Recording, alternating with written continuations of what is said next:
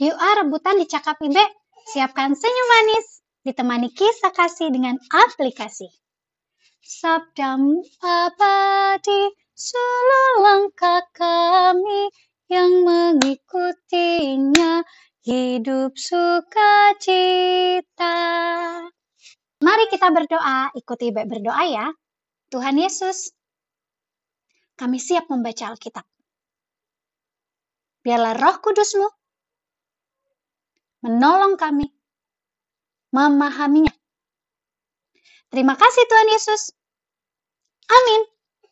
Yeay, hari ini kita akan baca Amsal 10 ayat 4. Ya, coba disiapkan Alkitabnya. Amsal 10 ayatnya yang keempat. Amsal itu ada di yang warna merah untuk perjanjian baru atau warna hitam untuk perjanjian lama ya? Yeay, good. Warna hitam perjanjian lama. Oke, sekarang ambil posisi paling baik ya. Ibe ataupun orang tua di sekitar kalian akan bacain Amsal 10 ayat yang keempat. Tangan yang lambat membuat miskin, tetapi tangan orang rajin menjadikan kaya.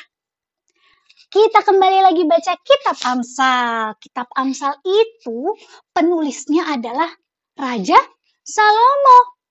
Salomo punya hikmat, hei, hei, akal budi dan bijaksana.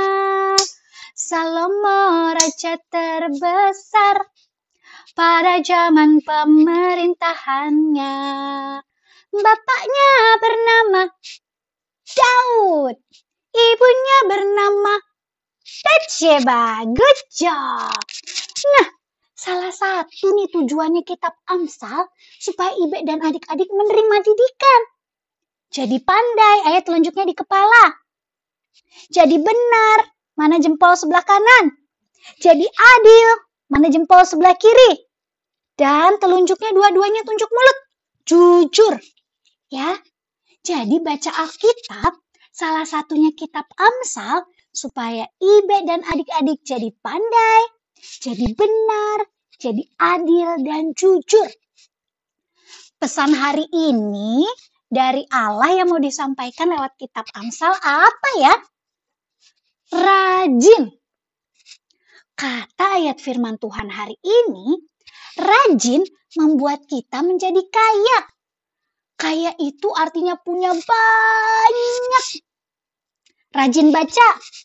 Buat Ibe dan adik-adik punya banyak cerita dan pengetahuan. Rajin olahraga. Buat Ibe dan adik-adik punya banyak gerak, keringatan, dan jadi sehat. Rajin bereskan mainan. Buat kita jadi punya banyak gerak. Ambil sana, ambil sini. Dan jadi rapi deh. Rajin. Ya, rajin makan. Makanan sehat ya. Itu buat kita punya banyak energi untuk bermain, untuk belajar, untuk beraktivitas. Rajin pure, pure, pure. Rajin apa itu? Pure, pure, pure. Mandi. Rajin mandi bisa ki, uh, bisa buat kita punya banyak kesempatan untuk bersihkan badan dari kotoran. Hush, hush. pakai sabun, pakai air. Rajin cuci tangan. Bisa buat kita punya banyak kesempatan tangannya jadi bersih dari kuman. Ya, jadi nggak sakit deh. Rajin pakai masker. Kalau keluar rumah, bisa buat kita punya banyak waktu buat jalan di luar rumah. Bukan untuk ketemuan sama orang ya, tapi buat jalan. Bisa olahraga. Dan kalau mau ketemu sama orang, teman atau keluarga, tetap jaga jarak ya. Terus, rajin sekolah minggu atau IHMPA. Jadi punya banyak cerita tentang Alkitab. Punya banyak lagu, punya banyak teman, walau kita lihatnya hanya dari layar handphone atau dari layar laptop, ya. Terus punya banyak kesempatan untuk memuji. Untuk ini lipat tangan tutup mata itu ngapain ya? Berdoa. punya kesempatan untuk berdoa. Enak kan? Rajin renungan nih. Seperti dengerin renungannya Ibe hari ini. Buat kita punya banyak cerita tentang firman Tuhan. Jadi kita bisa kenal Allah kita. Makanya Ibe mau ajarin satu lagu nih, supaya kita terus rajin.